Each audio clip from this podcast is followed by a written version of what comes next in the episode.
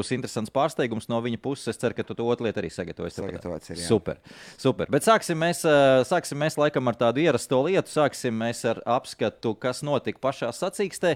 Pavisam īsi kontekstam, kā notika, kāpēc notika tāds stāsts no manis. Pārāk dziļi detaļās es neiešu. Tie, kas skatījās, visu zinu un apmēram redzēja. Ā, Bet Japāna pirmkārt, es domāju, no intrigas viedokļa es domāju, tur pat nebija liela intriga attiecībā par Red Bull it kā pārkāpumiem sakarā ar šo jauno tehnisko direktīvu. Japāna parādīja, ka nekāda pārkāpuma tur no Red Bull puses nav bijuši. Ne tāpēc viņi Singapūrā bija lēni, ka iestājās šī tehniskā direktīva, un tagad, tagad visiem tās saimnieciskās detaļas vairs nevar būt tik glu- gluži elastīgas, kā tas bija iepriekš. Tā kā ne tāpēc Red Bull pēkšņi kļuva lēni Singapūrā, Japānā viss bija savā vietā, nu vismaz Maksam Verstapenam viņš bija pārliecinošs jau no pirmās piekdienas treniņa sesijas. Savukārt, citu piekdienas treniņus komentējot, pirmais aplis, ko izbrauca Maks Verstapens, tur jau pārējie bija uzbraukājuši apli. Viņš uzbrauca 1,3 sekundes ātrāku apli par visiem pārējiem. Tā kā uzreiz dūri galdā nu, un pasaka, kurš te ir saimnieks un kurš būs saimnieks visu nedēļas nogali. Nu, tā arī faktiski tas viss notika bez lielas intrigas, jāsaka, atlikušajā nedēļas nogalē attiecībā par uzvarētāju, kas visu to izglāba. Izglāba tas, ka aizmugurē šobrīd McLaren, Ferrari un Mercedes ir tādās pozīcijās, kur faktiski nianses nosaka to, kurš būs priekšā, kurš būs nedaudz varbūt iepakaļs no viņiem visiem. Pieliekam vēl klāt to, kas notika starp komandas biedriem, tās cīņas. Mm -hmm.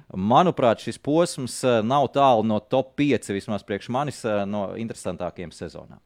Jā, um, nu, ne, ne, ne, nesenāts noskatīties visas sacīkstas pagaidām vēl. Noskatījos highlightus tos desmit minūtīgos, ko var atrast oficiālos. Nu, tad tieši laikam pirmais, kas iekrita acīs, bija Mercedes cīņa savstarpējā. Tas bija tāds, uh, wow, tā teikt, uh, divi, nu, it kā draudzīgi, bet vienlaicīgi parādīja, ka sezonai tuvoties izskaņai tā draudzība, es pie, nu, pieļauju, ka arī nedaudz noplakst. Un, ja, ir, ja cīņa trasē, ir, tad tur tā bija nu, tiešām interesanti. Ja, un tas uh, Rasela komentārs pēc tā, tajā, tajā precedentā, kur viņi abi izbrauca ārpus trases, tas arī bija tāds sulīgs. Ja, tā kā, nu, tas man, manuprāt, tā Mercedes savstarpējā cīņa bija arī viena no sacīkšu neglām. Jā, mēs parunāsim par Mercedes. Man ir pierakstīts tātad tie lielākie bloki, kas mums šodien ir. Mercedes par Alpīnu. Ā, Mums jāparunā, jo tur bija interesanta lieta. Protams, par McLaren parunāsim ā, nedaudz, par Ferrari šoreiz varbūt nedaudz mazāk, bet ā, arī pieskarsimies. Tad, kā jau teicu, būs par fantaziju mums, un beigās arī jautājumi. Jautājumi ir iesūtīti no skatītājiem. Es te esmu pāris jau pierakstījis un piefiksējis. Ja ir kaut kas droši sūtiet, es neesmu pārliecināts, ka mums būs laiks uz visiem atbildēt, bet centīsimies. Labi, sāksim jau pieskāries Mercedes. Tad sāksim ar Mercedes situāciju. Un, Es ā, tev arī gribētu, ka mēs jau sarunājām ar Niku, ka mēs šoreiz runāsim no tāda aspekta, ka viņš ir kā Dīvainieks. divānu skatītājs. Esmu, jā. jā, ļoti labi patiesībā, jo es uh, gribu arī zināt. Tieši viedokli, tieši viedokli par viedokli, ja runa šajā gadījumā viedokli no divām skatītāja, kas viņu uzrunā un kas ne īsti šajos apstākļos, un arī Formulā 1. Un attiecībā par Mercedes, eh, ko es pateikšu, kas, kas man iekrits acīs šogad, ka Uh, Ja tu esi pamanījis, ka Mercedes it kā mums ir viena no vadošajām komandām, par to mēs nestrīdamies. Protams, viss ir kārtībā, tas kā nu viņiem iet, tā iet. Bet uh, redzi, ka šogad tā tendence tiešiem konkurentiem, jo īpaši McLaren un Ferrari, ir tāda, ka mēs jūtam, ka sezonas laikā viņiem Progress. ir progress, un viņiem ir ļoti izteikts progress uz sezonas otro daļu. Respektīvi, ar domu, ka viņi kaut ko ir atraduši pareizi, kaut ko ir sakārtojuši vai nu sev galvā, vai kaut kur sev fabrikā, vai visu kopā, un līdz ar to tas izejas punkts uz nākamo sezonu. Viņiem būs diezgan labs. No, augstāks potenciāls. Jā. Jā, Mercedes es nejūtu tādu, tādu tendenci un virzību uz augšu. Kā, kā tevi sajūta? Mercedes tieši tā, ja, ja mums jāliek tā diagrammas veidolā, tas viss kā Mercedes iet, viņiem ir tā taisna līnija. Viņi konstanti ir tajās savās pozīcijās. Ja tā, tādā ziņā, nu, McLaren, manuprāt, ir visizteiktāk, kur tu biji, teiksim, tā, tā akciju līkne zema, un tad vienā mirklī tas sprādziens. Un Ar Austriju. Jā, un ā, šīs sprādziena sakarā arī pie Fantasy to pastāstīšu, bet un Ferrari, Ferrari atkal mēs, manuprāt, to līkni varētu likt kā amerikāņu kalniņus. Jo es pieļauju, ka viņi vēl sezonas izskaņā arī kaut kādas cirkus uztaisīs, kur visi būs pārsteigums. Kā var būt tik slikts rezultāts? Jā? Viņi ir tieši tie, te, kas steigā diagramma. Viņiem, viņiem bija sezonas ā, visu, visu laiku tāda, jā, tur es piekrītu, ļoti cimpelīga tā mašīna bija. Mēs par šo esam arī runājuši ārkārtīgi cimpelīgi, bet patiesībā tagad kopš ā, vasaras brīvdienām. Viņi, es teiktu, ka turās diezgan labā līmenī visos posmos. Kas ir tas labākais? Trīs posmi pēdējie, ko tu esi piefiksējis, kas mums ir bijuši kalendārā. Monza, Singapūra un tagad Japāna. Tās ir trīs nenormāli atšķirīgas trases. Mm -hmm. Viena ļoti ātra, viena ļoti lēna, attiecīgi ielu trase, un tagad nu, tāda klasiskā vēsturiskā trase ar ātriem pagriezieniem. Yeah. Un trīs dažādās trasēs Ferrari, nu, es negribu teikt, ir topā, bet divās ļoti atšķirīgās viņi paņēma pole position, un šeit viņi bija faktiski pirmie uzreizējas godu piedestāli ar Šarlu Leclerc. Te man vēl papildu jautājums par to Mercedes. Varbūt, zināmā mērā, tas paslēpjas kaut kādas. Uh, nē, es absolūti nedomāju, ka tās Nevar, ir paslēpes. Uh, šajā gadījumā es ļoti ceru, ka viņu gadījumā tas nav tik svarīgi šogad kaut ko neparādīt. Varbūt viņiem arī nav iespēja šogad to īsti notestēt no Airmikas viedokļa, ko mm -hmm. viņi mhm. gatavo uz nākamo sezonu. Un ka tur fonā tiek strādāts un darīts visas pareizās lietas, jo ja tā nav, tad nu, tas briest ar diezgan pamatīgi dumpi uz kuģa, jo nu, Luis Hamiltons. Ir, es nezinu, arī šajā ziņā, vai tu esi pamanījis, bet viņa intervijas sāk izskatīties pavisam citādi nekā vēl pirms gada, vai pasak Dievs vēl kad atpakaļ. Kad viņš ļoti daudz izmantoja vārdu mēs, mēs uzvaram kopā, mēs zaudējam kopā. Šobrīd parādās vārds es, Un uh, tieši pēdējā intervijā šeit no Japānas, uh, nu ne pēdējā, bet vienkārši, kas bija Japānas nedēļas nogales laikā, viņš teica, ka uh, es no savas puses, un šis, šis formulējums viens vien jau parāda, ka viņš ir sevi nostādījis atsevišķi no komandas, kas, mm -hmm. kas nu, šajos apstākļos nav normāli. Viņiem tiek mācīts, ka mēs esam kā komanda, un mēs arī runājam kā komanda. Bet es no savas puses izdaru visu, ko es varu izdarīt, un dodu komandai informāciju, visu, ko es varu iedot, tagad tas ir viņu darbs salikt to mašīnu uz nākamo gadu. Par Hamiltonu vispār runājot, man ir uh, gribās vēl vienu sezonu redzēt uh, tādu, kā bija ar Verstapena cīņu, kad tiešām tur ir gan ārpus trases komentārus cīņas savstarpējās, gan arī trasē. Es tas vienkārši fans formulas, kuram patīk šo teikt, teikt, tā, veterānu, veterānu stāstu. Ja Alonso ar sezonas sākumā uzbūra nedaudz to ilūziju, ka varbūt cīnīsies par titulu. Jā.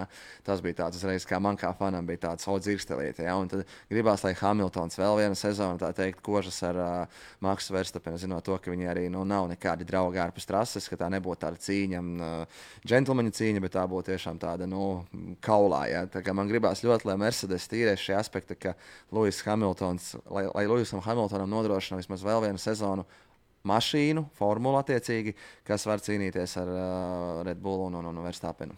Es domāju, ka Hamiltonam ir tieši tāds pats plāns un mērķis uh, atlikušajā viņa karjeras laikā. Tāpēc tas ir viens no viņa motivatoriem, principā, kas viņu tikai pietur un, un kas vēl dzen uz priekšu, ka viņš grib.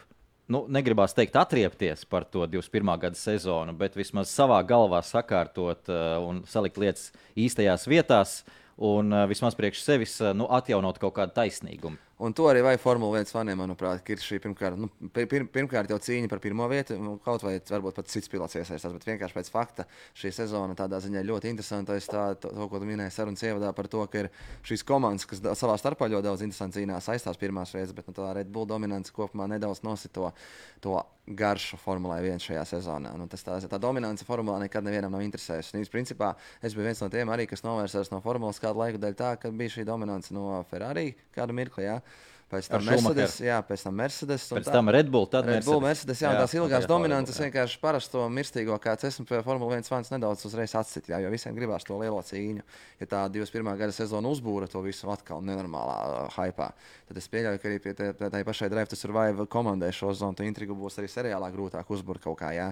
Bet, uh, nu, tā kā redzēsim, es ceru tiešām, ka Mercedes būs viena no tām komandām, uh, kas attieksies un uz nākamo sezonu būs kaut kur kaut kāds jokers izvilks sevi formulē, ka viņi var ar to Red Bull cīnīties. Eh, jā, par Drive to Survive tu pieminēji pavisam ātri. Es domāju, ka tur problēma nebūs. Nav tā lielā cīņa, kas nav lielā intriga par titulu, bet eh, viņi ļoti labi māk strādāt eh, katrā sērijā ar mazajām intrigām. Tās Fakts. mazās intrigas pietiek. Mums ir Rikārdo atgriešanās, mums ir Piastri, kas ir fantastisks stāsts šajā sezonā. Devrīs aiziešana, Devrīs, kā, jā, tur, tur, tur būs trakas, interesants. Es ceru, arī kādas nejaukas lietas pa vidu līdīs ārā. Tur būs viss labi. Bet es piekrītu, jā, par dominanti tādam ierīnas fanam tas atsit, un tas ir normāli. Tā, tā, tā tam jābūt būt teorētiski. Bet kas interesanti, tad šajā ziņā.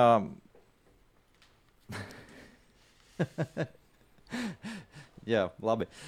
Šajā ziņā jāsaka, ka Mercedes tomēr, nu, es domāju, ka plāno uz nākamo sezonu visnotaļ atgriezties, bet tas, kā viņiem tas izdosies, tas, tas ir tas lielais jautājums. Un otra lieta ir par, par Luisu Hamiltonu, ko es gribēju teikt. Ka Hamiltonam sakārtot visu atpakaļ. Viņa prātā vismaz taisnīgumu atjaunot, nu, tas ir viens no motivatoriem, ka, kāpēc viņš vispār paliek Formulā 1 vēl uz šo, šo laiku. Un ar katru posmu, pasakot, Dievs, ar katru sezonu, kad Mercedes viņam neiedod to formulu, viņš kļūst aizvien nervozāks, aizvien uzvilktāks Jā. savā prātā, jo viņš, jo viņš zina, ka viņam pulkstenis tikšķi, ka mm. viņam nav daudz laika, viņam ir divas sezonas varbūt. Un, un viss būs, viss būs teiksim, nokavēts lielā mērā. Jo skaidrs, ka Lūsis Hamiltons nu, tas, tas snieguma līmenis iet uz leju. Nu, būsim godīgi. Nu, varbūt viņš neiet tā, ka strauji, bet, bet nu, ir maz kripatiņi. Bet kā tu redzi, Maks Verstapens pēc 21. gada sezonas, es teiktu, ka Maks Verstapens ir palicis tikai stiprāks. Jā, es piekrītu, absolūti. Šobrīd viņš iegūst galvā kaut kādu tādu mieru un pārliecību, ka viņš vairs arī nestreso ne piekdienā, ne sestdienā. Viņš zina, ka tur nav uzvara nenāk uzvara nāk svētdienā un ka viņam nav jābūt ātrākajam visu laiku. Bet to var savākt ar to, ka nav tas spiediens no konkurentiem tāds. Būsim reāli, jo nu, es tādā sacīkšu, teiksim tā, sāncensības apstākļos pat paši spēcīgākie sportisti lūst bieži. Ja? Tas ir jebkuros ceļš motorsportos, ja te bijusi dominējuša sezona, pēkšņi kāds parādās, tu esi ārpus savas komforta zonas. Jā. Tā kā es tiešām ceru, ka nākamā sezona būs braucēji, kas maksam liks izkāpt ārpus komforta zonas. No šo zonu nedaudz tas viens nogriezis, ka Peresis teorētiski lika izkāpt viņam no komforta zonas. Jā. Un vienmēr ir vēl interesantāk, ja komandas biedrs liek izkāpt no komforta zonas. Jā, tad var laikam to sezonu, kur pats Hamiltons bija tādā lomā, kur uh, komandas biedrs nebija gatavs būt otrais numurs Niko Rosbergs. Jā. Tā kaut ko tādu līdzīgu arī būtu interesanti redzēt patiesībā uh, nākotnē. Jā, pavisam īsi par Mercedes arī par šo sacīkstu, jo gal galā, nu, negribas teikt, sagāja ragos, bet es domāju, diezgan uzskatām mēs varējām vismaz sacīkstu laikā redzēt Rasela un Hamiltona uh, Uh, savstarpējo netiešo tā, sarunu diezgan augstos toņos uh, caur komandu tiltiņu. Tas ir tas, uz ko mēs patiesībā esam visu laiku šo arī cerējuši un gaidījuši, kad mēs uzzinājām, ka Rasels un Hamiltons būs vienā komandā, ka kādā brīdī tur būs tas burziņš un, un berzēšanās viņu starpā. Tā problēma vismaz no manas puses ir tā, ka tā berzēšanās šobrīd ir kur tur pa piekto, pa sesto vietu. Un, uh, nu, labi jau, ka vismaz ir kaut kāda, bet nu, tas nebūtu par tām pozīcijām, kur viņi abi cer braukt.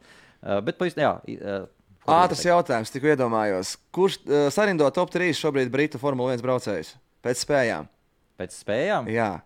Rasels, Norris, Hamiltons. Jā, nu tas ir nu, interesants nu, jautājums, vai ne? Jā, tas ir interesants, bet, nu, ja tu tā gribi bez paskaidrojuma, pavisam īsi, tad, tad nu, traki man ir ļoti grūti to pateikt. Grūti, vai ne? Šobrīd, jā. Tas ir tā, ka jā, tur, tur uh, niansēs ārkārtīgi, ļoti lielās niansēs. Nu, nu, ko tu liktu? Nu, es teiktu, Norris, Hamiltons, Russells. Opā, ok. Tādā kārtībā. Es arī laikam Norris liktu pirmo. Vēl laiku atpakaļ Hamiltonis liktu pirmo. Variantiem, jā, jā, bet, bet tagad, tagad Hamilton, nu, viss iespējas viņam pierādīt, ka tā nav katrā ziņā. Jā.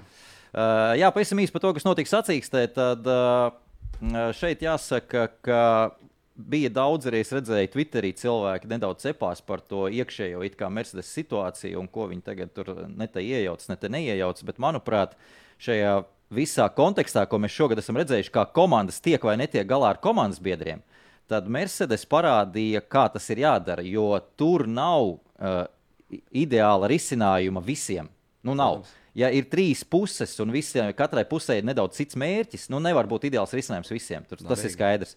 Bet Mercedes parāda, kā tas ir jādara, lai būtu vismazākie sūdi. Mm -hmm. Un viņi darīja to tādā veidā, kas uh, sacīks pirmajā pusē Ir pilotiem atšķirīgas stratēģijas, lai arī viņiem ir tās atšķirīgās stratēģijas, viņi neiejaucās. Tāpēc mēs redzējām šo cīņu, viņi ļāva cīnīties tajā brīdī. Viņi abiem pilotiem pasaka, ka jūs esat pieauguši cilvēki, draugi. Jūs zinat, ka mašīnas sist nevar viens otru, tā tāda no trases sist nevar. Cīnaties, bet līdz zināmai robežai.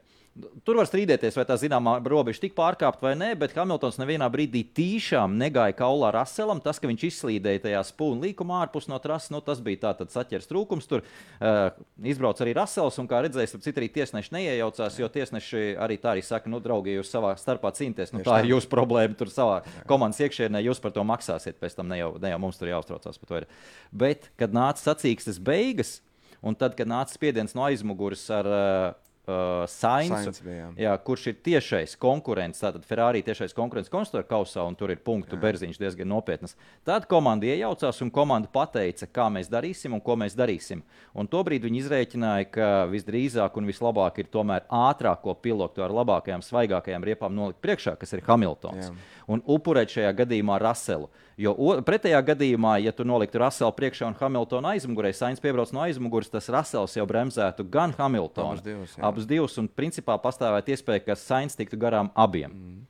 Tā kā es teiktu, ka nu, viņi nospēlēja, cik labi vien varēja nospēlēt šajos apstākļos. Jā, ja šādi izstāsti tiks eh, detalizēti, man tur nav ko piebilst vispār. Eh, Jā, nu un eh, tā visa rezultātā viņi gan zaudēja punktus pret Ferrari, bet zaudēja četrus tikai punktus, jo Leclerc vēl bija priekšā. Tātad kopumā no 24 punktiem tas pārsvars sarucis uz 20. Un, te nu ir tā lieta, ko es teiksim arī tādam līdzstājam, kā tu vari piedāvāt kā vienu no mazajām intrigām. Mums nav lielā intriga, bet tāpēc mūsu uzdevums ir pieķerties tām mazajām un izstāstīt tās mazās intrigas. Nu, lūk, mazā intriga uh, Mercedes pret Ferrari 20 punkti, mums ir 6 posmi uh, palikuši, un tur būs tā cīņa, jo viņi paši ļoti skatīsies viens uz otru un vērtēs un darīs un cīnīsies un izvirzīs sev kā tiešos konkurences konkrētā posmā. Tā, kā, ā, tā, kā tā ir tā lieta, kam ir jāpievērš uzmanība. Tā ir tikai viena no intrigām, teiksim, tā atlikušajai sezonai. Jā, tev uzreiz jautājums man ir par, ja mēs par konstruktoriem pieskaramies. Mm, Maklārens, Aston Martin var panākt, tavuprāt, redzot to tendenci, ka tomēr nu, tie punkti ļoti ātri dilst. Šobrīd 49 starpā ir. Jā, es, jā, man arī bija pierakstīts viens no šiem tematiem, un ļoti labs jautājums. Es teiktu, ka var panākt tajā tempā, kā tas notiek šobrīd. Jo pirmais un galvenais iemesls, kāpēc es domāju, ka to var izdarīt, jo Aston Martin komandā punktus gūs tikai viens cilvēks. Šobrīd, jā. Šobrīd un, nu, neizskatās, ka, ka tur kaut kas varētu mainīties arī Jā. Jā. tuvākajā nākotnē, vismaz īstermiņā. Un te ir tā lieta, kas vēl uzskatāmāk, es domāju, ka liks ā, Laurencam Strolam padomāt par dēlu. Jo gal galā, nu, es domāju, ka viņš jau, ja līdz šim to nav sapratis, tad es domāju, ka viņš nesapratīs arī, arī ar, ar, ar šo visu situāciju. Bet eh, šeit uzskatām, se, sezonas beigās, nezinu, kurš Maiks Kreks, komandas vadītājs, varēs nolikt viņam priekšā lapiņu ar cipariem. Un lūk, ko mēs zaudējām miljonos, un tur būs kā minimums divi. Divu ciparu miljoni zaudējums. Es nevaru pateikt tagad precīzi, cik, bet nu, tur 15 miljoni. Es nezinu. Mm. Uh, mēs zaudējam tikai tava dēla dēļ. Vairāk varētu būt pat beigās, ja mēs pieskaitām vēl kaut ko klāt arī avārijas un vispārējo. Es pieļauju, ka vairāk tur. Bet, tā, nu, izmantojot žargonā, pauti būs tam ā, vadītājiem to pateikt viņam. Es uh, šaubos, ka tieši šādā veidā, kā es to pasniedzu, Bet, nu, es iepakots- ļoti, iepakots jā, ka es jā. ļoti ceru, ka viņš iepakos kaut kādā veidā. No otras puses, es pieļauju, ka Laurents Strauss to jau saprot. Nu, nav jau viņš muļķis. Jā, Nu, nevar uzbūvēt tādu biznesu, esot muļķis. Un skaidrs, ka viņš to saprot. Tā kā šeit, ir, šeit joprojām ir jautājums, jo neviens uh, nav viņam paprasījis, vai arī ir paprasījis, viņš nekad nav atbildējis, kāpēc tu esi šo komandu vispār uzbūvējis, kāpēc tev vajag to komandu. Jā. Šādi jautājumi, nu tā godīgi pasakot, mm. vai tev to vajag Aston Martin? Eh, Kā kompānijai, vai tev to vajag sev kā, kā izklaidei, un kā priekam, un kā gandarījumam, vai tev to vajag tāpēc, lai tavam dēlam būtu interesants, ātras rotaļlietas, jā, ar ko pabraukāties? Kurš, no, kurš no tiem tad ir īstais? Jā, jā. Jo sezonas sākums bija tik cerīgs un tāds, ka, nu, pa lielam otrā komanda kāda mirkli tā bija. Jā. Konstruktoros, jā, pēc satura. Un tas šobrīd tā, ka komanda ir jau piektā. Jā, tāds downgrades absolūts uh, sezonas gaitā.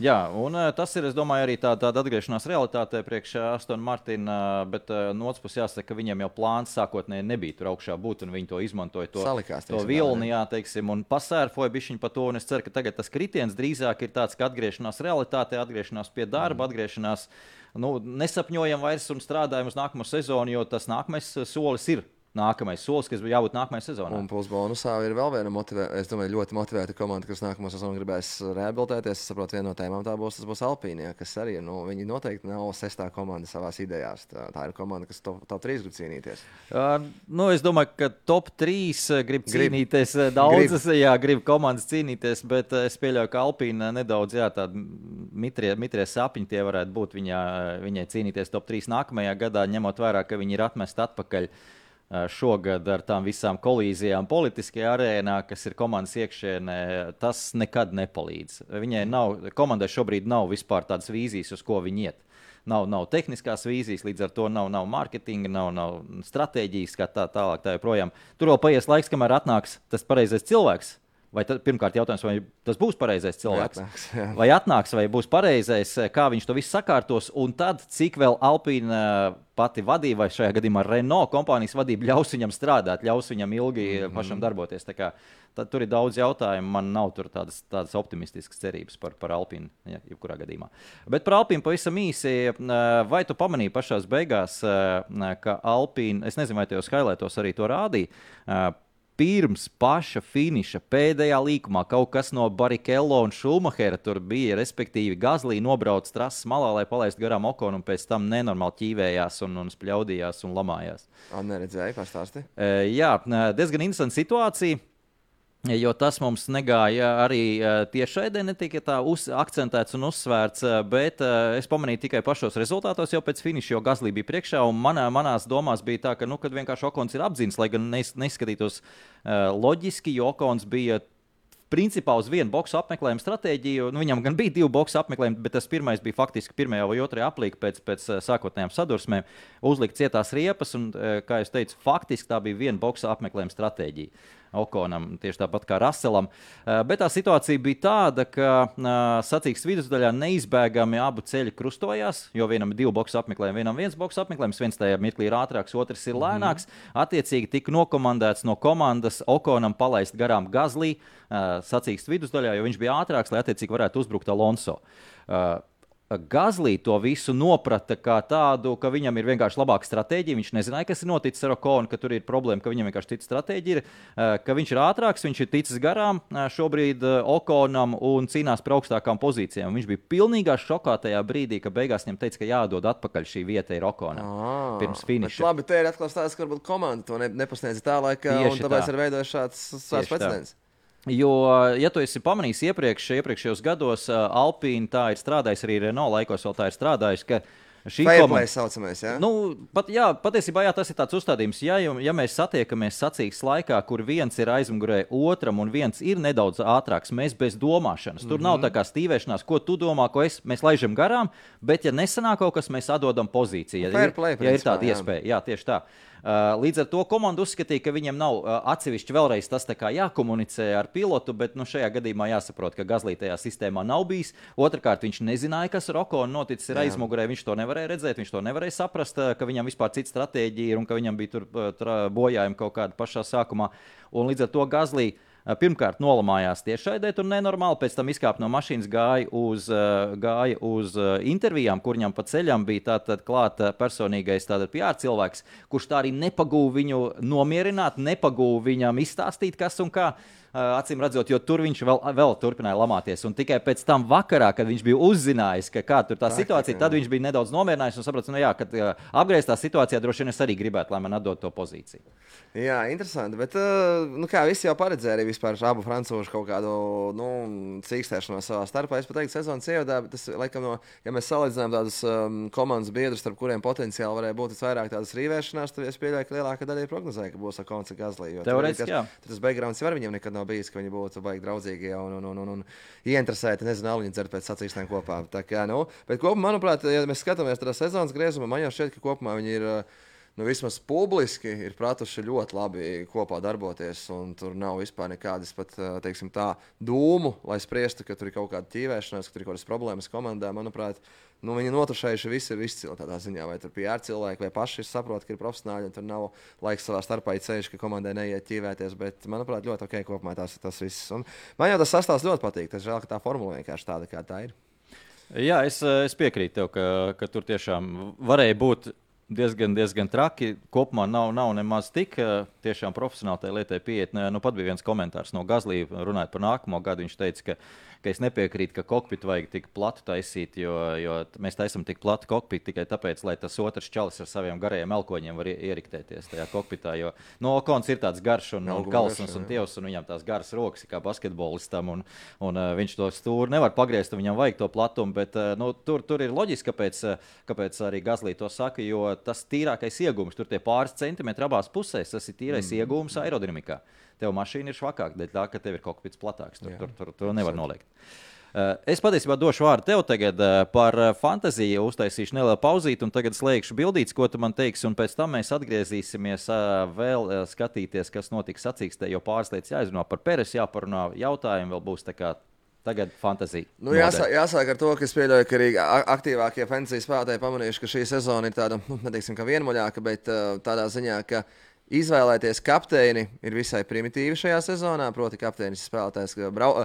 kapteinis ir tāds čips, kuru uzliec uz kāda braucēja, un viņa punkti ir reiz divi. Un tad šo sezonu lielākoties. Uh, Maks Verstapens ir galvenā izvēle. Nu, man uh, glorificēšu sevi. Man iepriekšējais posms sanāca ļoti sekmīgs. Es uh, uzreiz pēc Free Practice 3 uzliku Sainzu kapteini.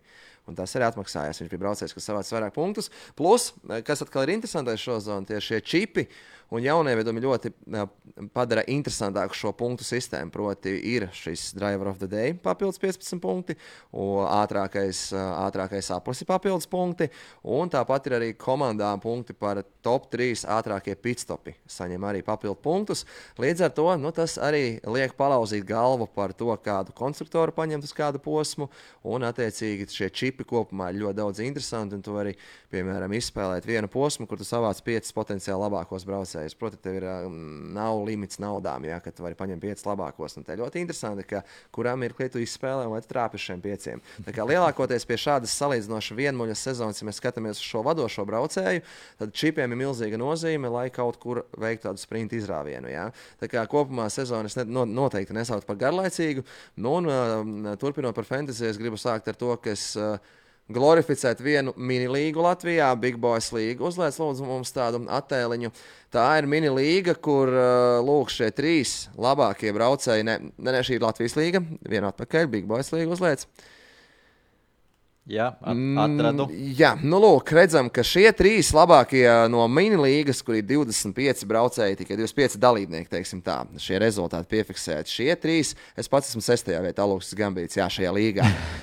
Tad šie, šie trīs labākie ir arī visā Latvijā trīs labākie. Tā kā visi wow. cieņu, ka man ir gods spēlēt tik spēcīgā līgā, kur mazās mini-līgas trīs labākie ir visā Latvijā spēcīgākie. Šeit uzreiz var uzlikt arī šo lielo, lielo, uzlicis, Jā, ko tu biji uzlicis lielo grafiku, nu, tad šie paši trīs braucēji tur atrodas arī augšā. Un, man, 30. vieta Latvijā kopumā, kas, manuprāt, ir ļoti respektabli. Man vēl ir palikusi iespēja arī izmantot šo trīskār, trīskāršo kapteini. Es domāju, jātrāp īstajā mirklī uz sprinta sacīksti, kur tie punkti vēl papildus nāk klāt. Tur varēs trāpīt, un es domāju, ka varēs. Kopā ir uh, dalībnieki.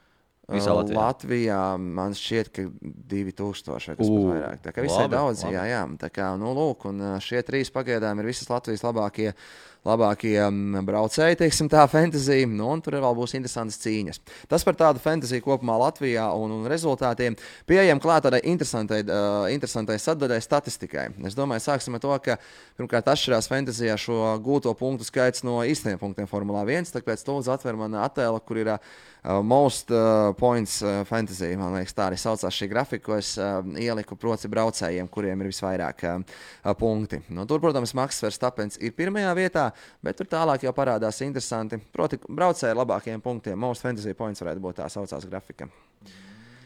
Top top. Jā, top, top fantasy points. Jā, jā, tā varētu ir, būt. Ir. Nu, lūk, un Maks Verstapens tādā ziņā no nu, šo zonu ir jājams zirdziņš. Un pamatot viņam arī šī summa ir lielākā. Nu, viņš lielākoties visos sacīkstēs uzvarot. Viņš no, nu, uzreiz loģiski, viņš lielākoties savāc arī driver of the day.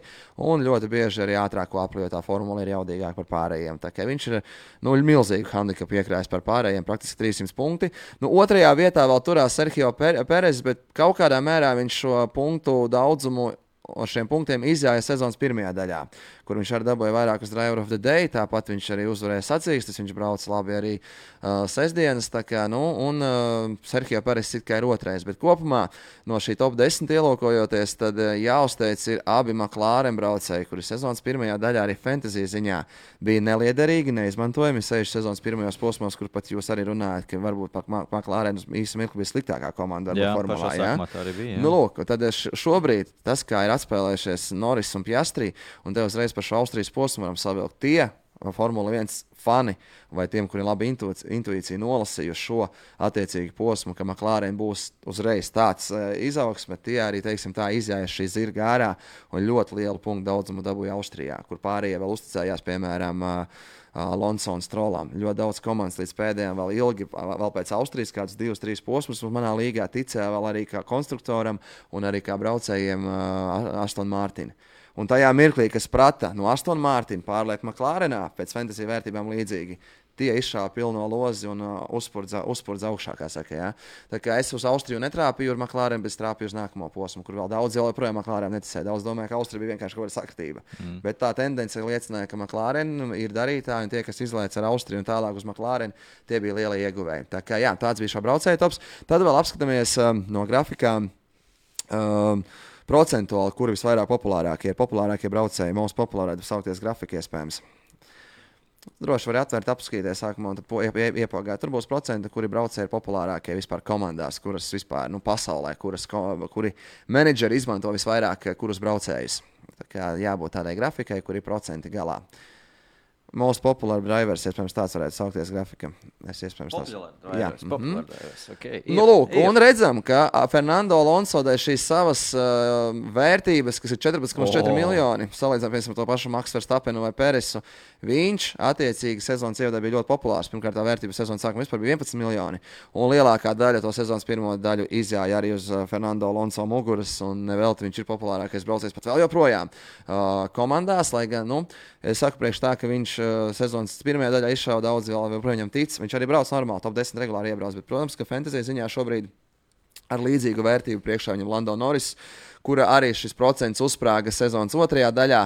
Nu, un kas ir interesanti, Niko Hulkenbergs šeit ir starp desmit labākajiem, bet šeit ir tas stāsts, ka Niko Hulk, Hulkenbergs labs kvalifikācijās, plus viņam ir ļoti maza vērtība. Redzam, 5,3 miljoni. Jā, jā redz, šī vērtība fantasy tā ir viss, ja nemaldos, pat pati zemākā vispār visā uh, starp fantasy braucējiem. Tā kā līdz ar to tie, kas komplektē četrus jaudīgus braucējus, tad pieliek viņu klāt un tādā sanāk tajos 100 miljonos vai cik tur komandai attiecīgi ir, viņš iekļūst. Nu, un šeit vēl uz tādiem pagātnes sezonas ievada rezultātiem arī Lants Strāls vēl atrodas šajā topā, bet kopumā arī viņa šis procents, domāju, ka sezonas beigās būs ārpus top 10. Tur varētu parādīties, es pieļauju, kaut kāds arī Estebans Okons, kas interesanti ļoti daudzi tic Pieram Gazlijam, kurš ir šo zonu pirmais Alp, Alpīna braucējs, bet nu, viņam, kā saka, kopumā. Kopumā tā sezona arī nav pārāk spilgta. Tad ejam tālāk, kas mums vēl tur pa grafikām. Visā lietas grafikas, kuras redzu, es pakomentēšu tālāk, būs vieglāk, jo tos nosaukums Apdzīšanas, es laikam. Apdzīšanas, lūk, šis ir viens no, viens no šīs sezonas jaunu ievedumiem fantasy, ka ir punktiņš par apdzīšanu. Un mani pārsteidza, ka, nu, nepārsteidza, bet arī laikam ir racionāli, ka Sergio Peres, kurš kvalifikācijās ir ceļš otrajā sezonas daļā, visai bēdīgi brauc. Viņam viņš, ir ātrākā viņam formula ir ātra. Viņš, piemēram, kvalifikācijā netiek otrajā kvalifikācijā, kāds, piemēram, nezinu, paliek 16. Nu, tad ir garantēti, ka tu vari uh, berzēt rokas ka viņš apzīst nu, vismaz kādus 5, 6, 7 sportistus drīzāk un iebrauks punktos. Ja? Tā kā Sergio Peres kopumā redzam 92 punktus, no viņa 458 viņš ir atnesis ar apzīšanām. Principā piektā daļa punktu ir tikai ar apzīšanām no Sergio Peresa. Nu, lūk, un vēl viens pārsteigums ir Kevins Magnusens, ja, kurš kopumā brauc ar vienu no arī, nu, teikt, vājākajām formulām, bet viņš tāpat arī par šo lejas galu cīnoties, viņš kaut kādā sacensību režīmā regulāri atrod šīs apzīšanas. Plus šīs apzīšanas ir tiešām nevis kaut kura pista palīdzība, bet šeit tiek piefiksētas tikai tās, kas ir trasē. Nu, un vēl viens pozitīvs pārsteigums, manuprāt, kas daudziem varētu būt pārsteigums šajā topā redzēt, 88 apzīšanas ir Žogaņu, uh, ja, ķīniešu braucējs, kurš, manuprāt, lai gan arī brauc ar vāju formulu salīdzinoši tā lielā fona, viņš arī tajā no 20. līdz 11. vietai regulāri izceļās ar daudz apzīšanām, un pēc vājām kvalifikācijām viņš regulāri arī kaut kaut vai šī pēdējā sacīksts, viņš turpat pie top 10 arī ir kaut kāds 13, 12 vieta. Tā kā viņš arī ir pozitīvs pārsteigums. Jā, pārsteigums jā. un tā kā viņš regulāri izcēlās ar apzīšanām. Un, protams, jāizceļ arī laikam Aleksandrs Albons, kurš kopumā arī ar Viljams formulu, kas nav tā jaudīgākā, tik atsevišķās trasēs viņi spēja uzrādīt ļoti labus rezultātus, bet viņi, viņš arī sezonas gaitā ir pratis veikt ļoti daudz apzīšanas. Tā kā šie, manuprāt, tāda interesanta statistika, kas varbūt kādam ir arī pārsteigums. Tas ir reāls apzīšanas trasē bez kaut kādiem fantasy elementiem. Ejam ar nākamo grafiku, kas mums tur ir sagatavots. Nu, lūk, arī varbūt kādam ir pārsteigums, bet Sergio Peris ir kopā ar Maksu Verstapenu. Tieši par, par pārsteigums varbūt par Peresu, ka viņš ir saņēmis trīs reizes Driver of the Day. Un te arī tas, ko tu minēji aizkadrā, tas pateicis. Es teicu tam, par ka... Norris, es nezināju, arī nebija jā. Norris un Peres ir tie braucēji, kuri varbūt sestdienās, kuru formulas tīrais ātrums ir izteiktāks, ne tik daudz varbūt arī prasmes trasē. Tad, nu, Pēris, jā, ne, ne, tas var būt Norris drīzāk, jā, kurš sestdienās tas, tā formula nav. Tā, sezonas ievadā nebija tā ātrākā, bet viņš prata tāpat sacensību režīmā pakāpties un ie, iekarot skatītāju simpātijas. Tā kā Norris, Norris un Pēris noteikti ir tādi braucēji, kas ir saņēmuši arī šos driver of day. Kas mums vēl paliek no grafikām interesantām? Tā, šeit ir. Ah, nu šeit mēs, kā saka, slikto zēnus aplūkosim. Šeit ir braucēji, kas visvairāk izstājušies un kas uzreiz ir pilnīgs sitiens ar sirpi, kā saka, pa vienu vietu fantasy menedžeriem. Tie, kas tic Oko, Okonam, ir saņēmuši sanāk, 5, mīnus, 5 reizes mīnus 20, mīnus 100 punktus savās fantasy komandās tikai pateicoties Estebanam Okonam. Un tas pats sakāms arī vēl, vēl teiksim tā, šos uh, mīnus punktus daudz atnesuši ir Logans Saržants, uh, Aleksandrs Albons, abi Viljams, kas ir uh, regulāri izstājušies. Ja? Un tas pats arī sezonas tajā vidusdaļā ap šo Austrijas posmu daudzi iepalika dēļ tā, ka viņiem komandā vēl bija Lens Strauss.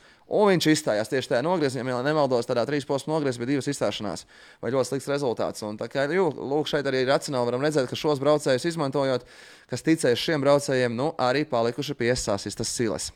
Un vēl man šeit ir pāris grafikas, kuras iekomentēsim.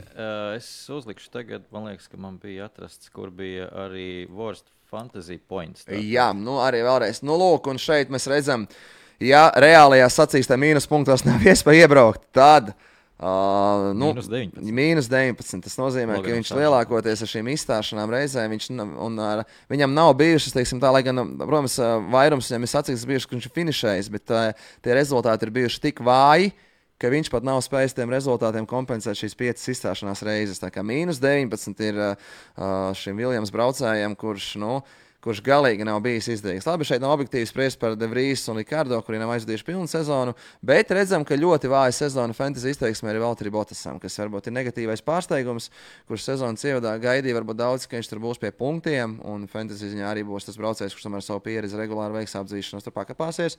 Tad viņa funkcija komandā, ko tādā, tādā fantasy izteiksmē vairāk izpild tieši ķīniešu braucējs. Un pozitīvais no šī kā negatīvā topiņa, manuprāt, ir galu galā arī uh, Lausons kurš nestartējot pilnu sezonu, redzam, ir apgājis jau Valtteri Botasu ja, ar šiem pāris sekmīgiem posmiem. Un viņš arī nebraucot pilnu sezonu, principā Fantasijā dabūjis tikpat punktus, cik gandrīz jau viņa komandas biedrs Jukits un Ada. Jā, tā kā nu, redzam, ka šis ir no šajā negatīvā topā pozitīvais pārsteigums, kurš jau pratisa pāris posmiem, principā apiet ļoti daudz braucējus, kas startējuši pilnu sezonu. Jā. Tā, nu pēdējais man liekas, ka man šis, šis varētu būt interesants. Tas, Jā, tas, tas, un šeit ir efektivitāte pret šo fantasy vērtību. Nu, šeit laikam. Uh, Alonso ar šo labo sezonas ievadu ir pilnībā sevi attaisnojis. Pret viņa 14,4 um, miljoniem viņa punktu vērtība ir tiešām nu, tuvu Maksam Verstapenam. Un arī, manuprāt, šeit ir noteikti jāizceļ ķīnietis Žoganju, kurš arī pret savu vērtību un punktiem, nu redzam, viņš principā tādā, ja tīri, ja tīri mēs salīdzinām, viņš ar savu vērtību un atnestiem punktiem gandrīz turpat, kur Lūsis Hamiltons. Tā kā ļoti interesanti.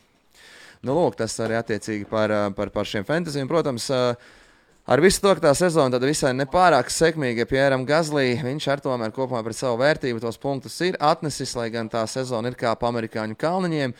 Nu, un, nu, Oskars Piastrī, protams, arī ir, manuprāt, tas debitants. Principā, nu, pagājušā gada viņš nobrauca laikam vienu vai divas sacīkstes, bet kopumā varam saukt viņu par debitantu. Un, attiecīgi, viņš arī ar šo rezultātu, ko uzrāda pret savu vērtību, noteikti arī nu, tā ir uzteicama nianse. Nu, ko Aldam nedaudz šeit tehniski ķibelīte. Līdz ar to, jā, par fantasy runājot, tad nu, šobrīd, laikam, tiem, kas grib pamēģināt, ir iespēja vēl ielikt vilcienu, apskatīties vienkārši, kā tas viss darbojās. Bet uz nākamo sezonu es tiešām rekomendēju.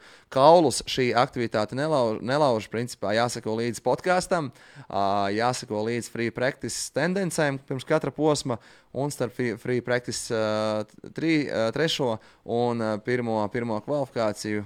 Kad nav sprinta sacīks, protams, tad ir jāuzliek sastāvs un tālāk tikai jābauda, jāskatās, jāsako līdz saviem braucējiem. Tā kā fantāzijas ļoti interesanta nodarbe un, un, un, un gal galā tāda iespēja arī papildus padarīt vēl interesantākus Formula 1 skatīšanos, lai nav tikai jāfano varbūt par to priekšējo galu, bet lai tu vari sekot arī, piemēram, nu, lūk, nezinu, Albonam, paskatīties, ko viņš apdzīs un kā viņam punkti krājas. Ja? Tā kā fantāzijas, manuprāt, savu funkciju pilda godam.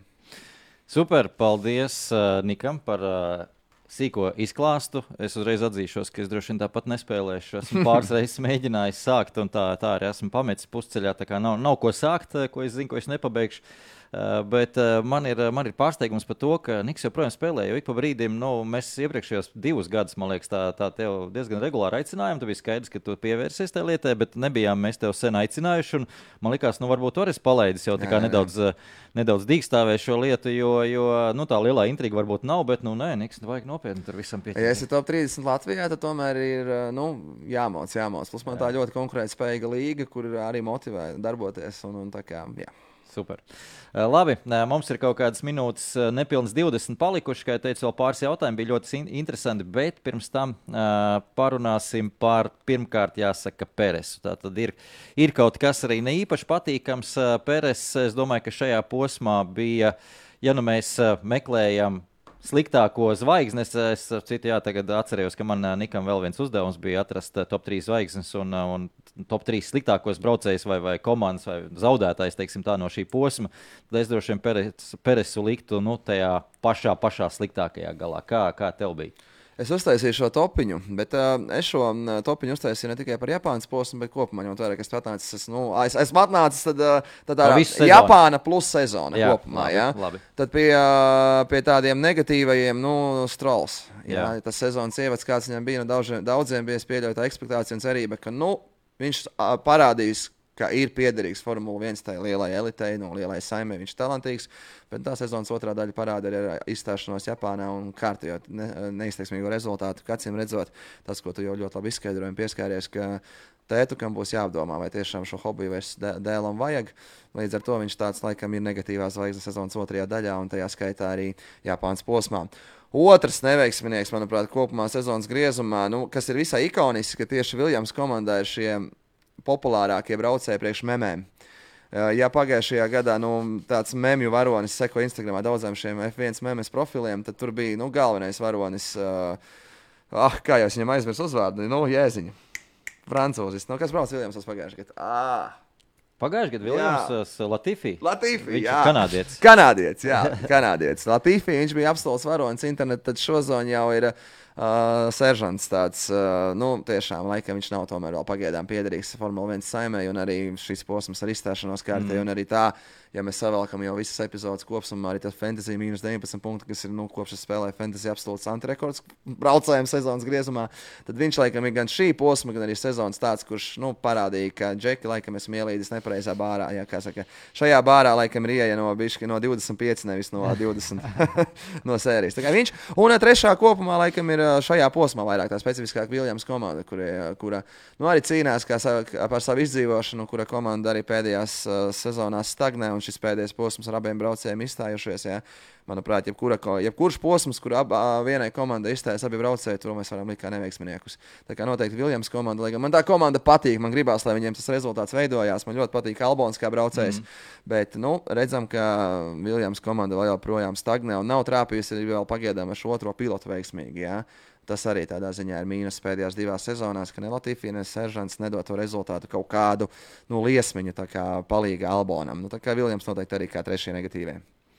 Uh, labi, te jau arī pozitīvos pieredzes ļoti interesanti Jā. dzirdēt. Pie pozitīvajiem, pirmkārt, jau te ir lielākās, zvaigznes šajā posmā. Tieši šis specifiski būs Mercedes. Ja? Nu, tā viņu cīņa, manuprāt, tā bija tā. Tas bija priekš tevis vismaz. Highlights, highlights absolūts. Jā. Un ar visiem komentāriem uh, pēc pašas cīņas un visu pārējo man Mercedes noteikti bija šī posma varoņa. Kā tu minēji, šis posms kopumā bija visai paredzams. Arī rezultāti parādīja, ka tās vadošās komandas bija tur, kur bija. Un tās tie, neviens, teiksim, tā no tā otrā ešalona braucējiem netika pēkšņi top 10. Tas parādīja to, ka kopumā nu, tā sacīkste bija interesanta, bet tieši dēļ šīs Mercedes cīņas, manuprāt, bija ļoti interesanti. Viņi noteikti liekami kā zvaigznes.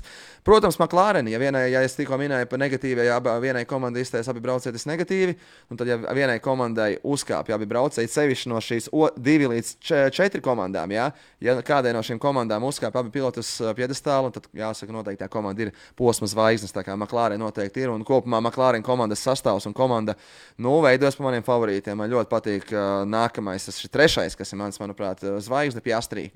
Uh, zinot to, ka šī viņam ir pilnā tāda debijas sezona, nu, viņš šobrīd brauc jau sajūta kā pieredzējis braucējs. Ja, ja tomēr pirma, pirmajā pilnajā sezonā būt regulāram piedestāla braucējam, nu, tas parāda to, ka viņš ir. Nu, neteikšu, varbūt supertalants, bet viņš ir ļoti gatavs Formulē 1 un varbūt nākotnē vēl viņš tiekot vai nu vēl jaudīgākā McLaren formā, vai varbūt nākotnē vēl kādā vēl jaudīgākā komandā, varbūt piemērotākā komandā, kas, lai gan pagaidām grūti spriest, kas varbūt piemērotāka, tad, manuprāt, viņš var būt ļoti spilgts nākotnes braucējs. Es domāju, ka viņš ir izcilā komandā priekš, priekš sevis. Viņš pagarinājis arī līgumu. Nu, patās, Trīs gadiem vēl papildus, vai ne? Līdz 26. gadam, tā kā Jā. gadu ilgāk nekā, nekā Lando Norrisam. Tagad, es domāju, Zakam Braunam uzdevums ir pagarināt līgumu attiecīgi ar Lando Norris. Uh, bet, uh, jā, par Piastriju tu pateici, tad sanāk, laikam, astotais austrālietis, kas kāpjas uz godu piedestālu, vai tu vari kādu nosaukt? Tā interesi pēc. Rikardo ir austrālietis. Jā, Rikardo. Jā, Rikardo. Un Marks Vēbers. Marks Vēbers tieši tā. Galu galā ilgi brauc. Tad, uh, kas mums no Austrālijas, laikam, uzreiz nevarēšu pateikt. Alans Jones. Tas jau vecāks ir. Džeks Brebams. Tie vecāki, jā, jā. Jā. Tā kā ir Austrālija. 21. gadsimtā principā ir Vēbers, uh, Rikārdo un Piastri. Piastri un, uh, un komanda, es domāju, absolūti īstā ir komanda galu galā McLarens. Uh, McLaren komanda ir ar ļoti dziļām saklēm. No tā gala negluži no Austrālijas, bet jebkurā gadījumā, kā es domāju, ļoti piemērota. Bet ko es gribēju par Piastri pateikt? Uh, es esmu stāvā sajūsmā par viņu. Es reāli esmu viņš čurāja biksēs aiz priekiem par, par to, cik viņš, ir, cik viņš ir labs pirmajā sezonā. Uh, bet uh, kas parāda, ka viņš ir labs, ir divas lietas. Uh, atceries spā trasi, kur viņš uh, sprinta sacīkstē cīnījās un arī uzkāpa uz piedestāla. Nu, sprintā mēs tos nesaucam par piedestālu. Es nezinu, kā to nosaukt patiesībā. Godalgota vieta. Jā, uh, medaļiņu dabūja. Ja? Jā. Uh, un tagad šeit uh, Suzukā. Uh, labi, uh, spā viņš bija braucis zemākajās formulās, bet jebkurā gadījumā šeit Suzukā nebija braucis vispār. Tad šīs divas trases, spā un Suzuka, pēc noklusējuma ir vienas no tām trasēm kalendārā Formulā 1, kas ir pirmkārt ļoti tehniskas, ļoti sarežģītas un kas parāda tāda braucēja meistarība. Braucēja meistarība, un kur tas, tas krējums tiešām uzpeld virspusē. Tās mm -hmm. ir tās divas trases, kur krējums, kur, kur, kur pat pilota, teiksim tā, ja mēs procentos kaut kādā veidā gribētu noteikt, ko dod mašīna, ko dod pilots, tad šī attiecība procentuālā spēlē un Suzukā būtu attiecīgi lielāka pilota Brauc pusē. Pilota. Mm -hmm. Pilots var izvilkt vairāk no tās mašīnas, ja viņš ir spējīgāks, talantīgāks, tā mhm. tālāk, drosmīgāks un tā tālāk. To parāda Piastrī. Un jā. to parāda Piastrī. Tas, tas, manuprāt, svarīgi, jo ja, un, un tepat pretī mēs liekam par es piedošanu visiem, kam, kam patīk ārkārtīgi Niks de Vries vai patika Niks de Vries, tad uh, es īsti neticēju viņam jau iepriekš, godīgi teikšu, bet uh, kur viņš uzspīdēja pagājušajā gadā Moncā. Uh, ko, ko simulatorā vai ko spēlīties, es to jau teicu arī komentējot, ko spēlīties parasti jaunpienācēji, parasti kuru trasi pirmo Vieglas un ātras trases. Ļoti viegli trasi ir monēta. Nenormāli viegli. Tu, tur, tur ir grūti sakļūdīties, un pieliekam, ka Viljams tur bija vienkārši ārkārtīgi ātri pēc noklusējuma, kur viņiem bija jābūt. Tā, tā devītā vieta pagājušajā gadā tas nebija pārsteigums. Pārsteigums bija, ka, ka, ka Helmuts Marko tā kā žagata uz spīdīgām lietām uzreiz paķēra. Jā, šī tas ir mūsu čalis bez, bez kaut kādas pārbaudas mm. un vēl pāris posmiem. Kur... Tā kā, labi, tas, tas nu tā. Bet pat pie Astrija, jā, es domāju, tur viss notiek. Marks Vēbers tur viņu tur ļoti īsā pavadā ļoti pareizos vārdus visu laiku saka viņam austiņās, un, un viena lieta, ko viņš ir iestāstījis viņam, ko var redzēt uzskatām, jo patiesībā uh, dzīvē un tā privātajā viņš ir jautrs puisis, čalis un atvērts. Bet, ja tu esi redzējis intervijas, viņš ir nenormāli mierīgs, nosvērts, nenormāli nosvērts. Tā ir tā lieta, kas viņam, ko Marks Vēbers ir iestāstījis faktiski, es nezinu, cik ilgā laikā. Uh, paskaties, kā veidojās pie Astrid karjeras. Viņu raustīja no vienas komandas uz otru. Tur izskatījās sākotnēji. Viņš ir tas sliktais, jo viņš tagad uzmetis ir Alpīna, aizgājis pie otriem, vēl vispār formulā nav braucis. Nes, nes ko no sevis iedomājies. Ir tagad, ja debitējis vēl nav, bet jau vienai komandai pateicis, ir čau. Un Marks Vēbers viņam teica, un tagad sliktākais, ko tu vari izdarīt, ka tu sāksi sprēgāt, lēkāt, uh, hi, hi, ha, ha, taisīt. Uh, tev ir jābūt ļoti nosvērtam, un lai tas, ko tu dari trasē, lai tas runā tavā vietā. Un tas, man liekas, ir pats pareizākais, ko varēja būt. Pēc tam, kad viņš jau būs uzvarējis, titulu izcīnījis, tad varēs arī sākt hihihaha taisīt un, un, un vispār jau kā tagad Verstapens. Tā kā viņam ir ļoti labs dom, teiksim, tā, padomdevējs uh, blakus. Un... Visos sporta veidos, kā zinām, vajadzīgs padomdevējs blakus, kas ir pieredzi un kurš ir gal, zinošs gal galā. Vēbers tas noteikti ir. Jā, uh, McLaren komanda šajā trasē jutās kā zivsūdenī ātrijos līkumos, esīs pirmajos pagriezienos, kur Verstapens pret visiem cēlā ārā tās, tās 0,6 sekundes. Uh, McLaren tur zaudēja vismazāk. Uh, Redbullam tā, tā ir tā stiprā puse McLaren uh, formulē šogad, tāpēc viņi bija ātri arī Silverstone un vēl pāris trasēs būs, es domāju, diezgan sulīgi. Nākamais posms mums ir Katara. Katra mums vienreiz bijusi kalendārā, bet MotoGP viņi ir ļoti daudz bijusi. Mm -hmm. Tur sākas kalendārs vienmēr MotoGP katrā tradicionāli sācies, un tā ir uh, trase ļoti plašiem, ātriem, ilgstošiem līkumiem. Un tīri teorētiski atrod to balansu formulē starp piespiedu spēku priekšā un aizmugurē, jo tas ir nenormāli svarīgi ilgstošā līkumā garā. Ja tev līkums ir īss, nu tā sekundžu izteiksme, Jā. ja tev līkumā tu esi īsā, īsā mirklī, tas nozīmē, ka tev nu, tas balans tik ļoti neietekmē. Bet, ja tu ilgi brauc pagriezienā, kur turklāt ir mainīgs rādījus, kur tu brauc, brauc, brauc, tev ir jābrauc lēnāk, vienlaicīgi arī nedaudz jābremzē un jāsaglabā vēl piespiedu spēks. To nevar izdarīt, ja tev atšķirības starp priekšējo un aizmugurējo antispānu nedaudz staigā svārstās, mm. kā tas ir Mercedes, kā tas bija uh, Ferrari. Ferrari bija tagad labāk tā situācija, bet Mercedes ir ļoti, jo, ko saka vienmēr Lūsis Hamiltons, jo to es pamanīju intervijās. Mēs braucam kā uz naža asmens, knife edge, ka tev ir jātrāp visu laiku uz tās, tās mazās, nu, ideālās, kā sweet spot, jā, tad tu, tu tur ja trāpi tas tie saviem jā. balansējumiem, saviem uh, regulējumiem, tad viss ir labi. Mm -hmm. Bet tiklīdz tu bišķi netrāpi, tu pārkrīt vai nu vienā pusē vai jā. otrā pusē pāri, un tu nevari to līkumu izbraukt. Tu zaudē visvairāk jau aizmuguri viņu gadījumā, tā aizmugures saķertā viņiem ir nu, diezgan kritiska mm -hmm. un mhm. akūta lieta, un ar to viņš mokās visu laiku.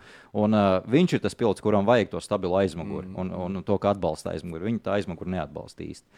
Uh, tā kā, jā, tā nedaudz es aizgāju hausā, jāsaka, vien, pie viena otru pieķeros, bet jā, es, es gribēju saslavēt Maklārenu un uh, Pamatoti, īpaši, īpaši pie Astrī.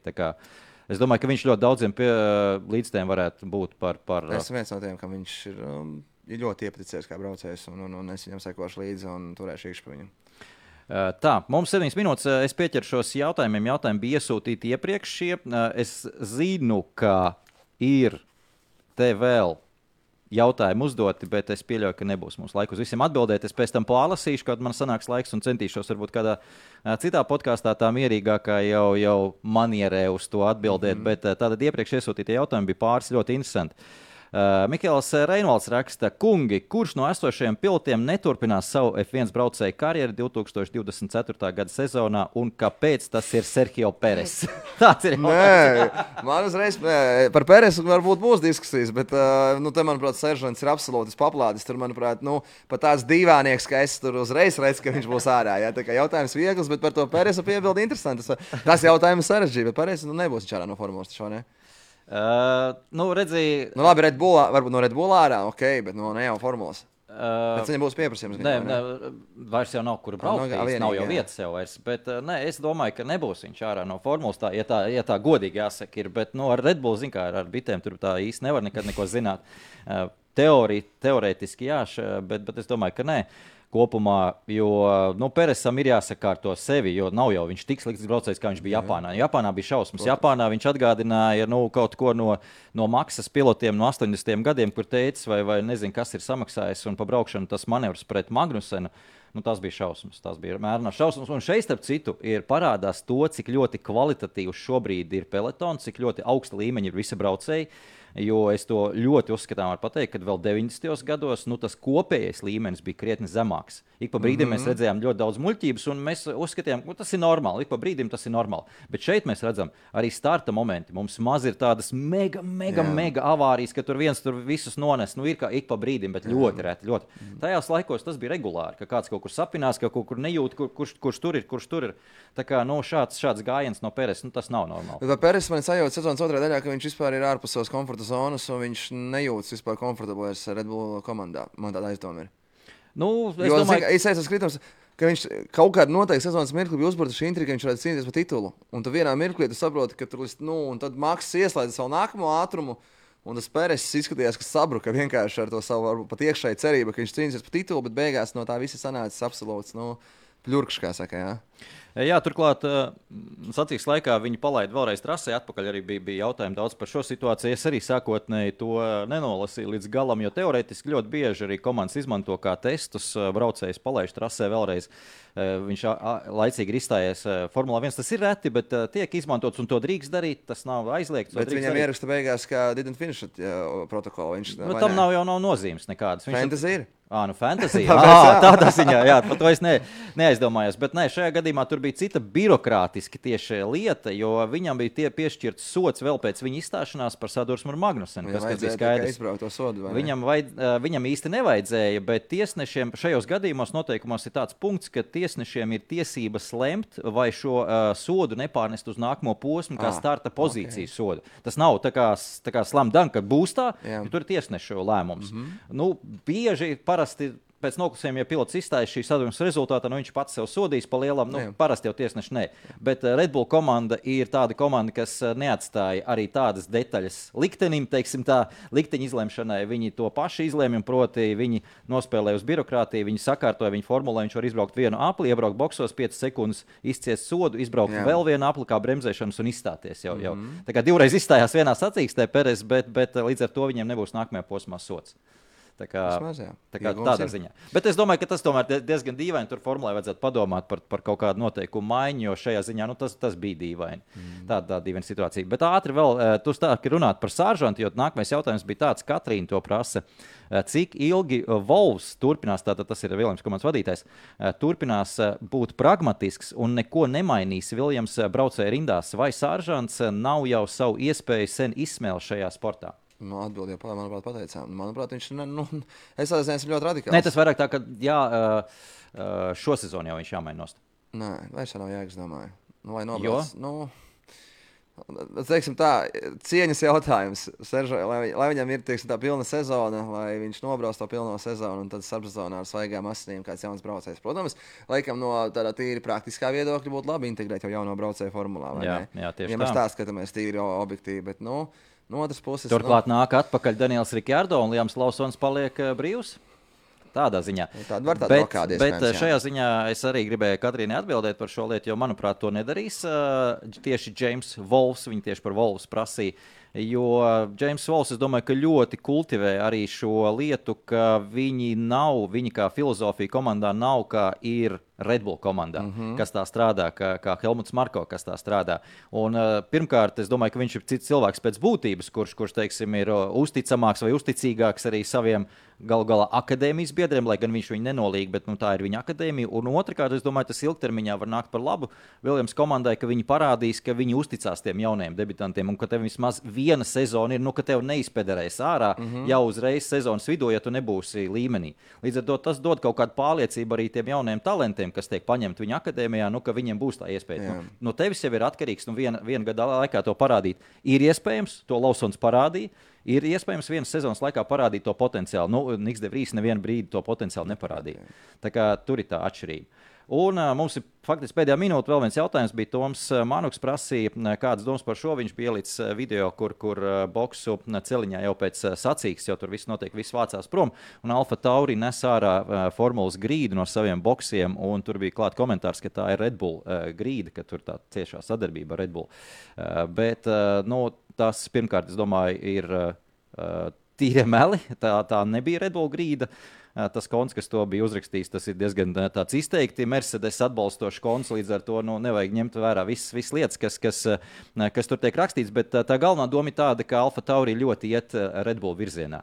Nākamajā sezonā mēs redzēsim pavisam citu Alfa Tauri. Es domāju, tādā ziņā, ka viņi nebūs spējīgāki. Uh, nu, droši vien, droši vien. Tehniskajā ziņā viņi strādās līdzīgā modelī, kā strādā Haas un Ferrari, mm -hmm. ka viņi ņems visu, ko var paņemt uh, no Red Bull. No mātes komandas. Jā, bet tas ir noteikumu robežās. Jā. Tas, tas to atļauj noteikumi. Un otrkārt, viņi vairs nebūs junioru akadēmija. Tīra, tīra junioru akadēmija, jo Daniels Rikārdo nekādā veidā neklasificējas kā juniors. Jā. Uh, viņa uzdevums būs cīnīties pat par savu vietu zem saules.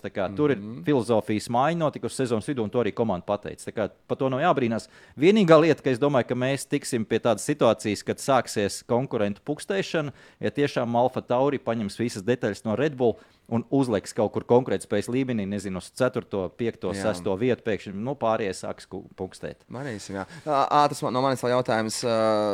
Nākamā gada pilota izvēle Alfa Tauri. Tāpat izvēlētos? Uh, Cunodu un Rikārdo? Uh, Rikārdo viennozīmīgi. Es arī, jā, bet es Cunodas veidā būtu ņēmis ņem Lausonu, kurš, nu, ja tiks pilgt, var ienākt formulā. Tā, tā, nu, tā ir acīm redzot, arī vadītājs. Tā ir pragmatiskāk, acīm redzot, skatās. Jāņem vērā, ir, ka pat Cunodu uh, Honda maksā ļoti lielu naudu. Nu, salīdzinoši lielu naudu nu, maksā jā, par Cunodu. Un, uh, vēl, vēl gadu paturēt. Tas, jā, pie, pie tam nu, skaidrs, ka starp Cunodu un Lausonu šobrīd nu, nav tā milzīga atšķirība. Apmēram tas pats, un plus vēl daudz, daudz naudas. Tā kā tā. Kā, Racionāli, jā. tā, kā tā. Tas arī viss, ko mēs paspējām šodien, godīgi sakot, eh, bet eh, man bija ļoti interesanti. Eh, jebkurā gadījumā kaut ko jaunu uzzināju arī par fantāziju. Tā kā paldies Nikam par viesošanos. Jānis mums būs prom vēl diezgan ilgi. Nākamais posms mums ir pēc divām nedēļām Katara, un mums būs arī jauns ciemiņš ciemos. Tā kā gaidiet, tas būs pārsteigums. Super, paldies, skatījāties. Paldies! Atā. Atā.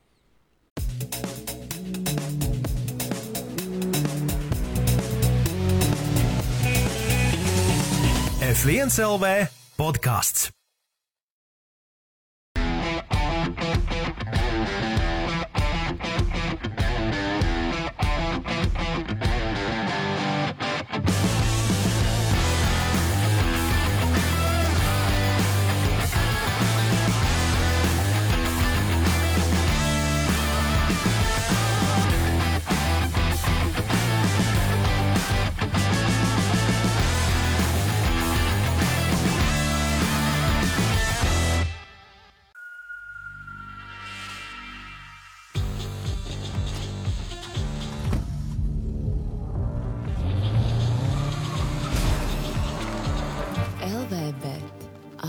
Izmaksu kazino.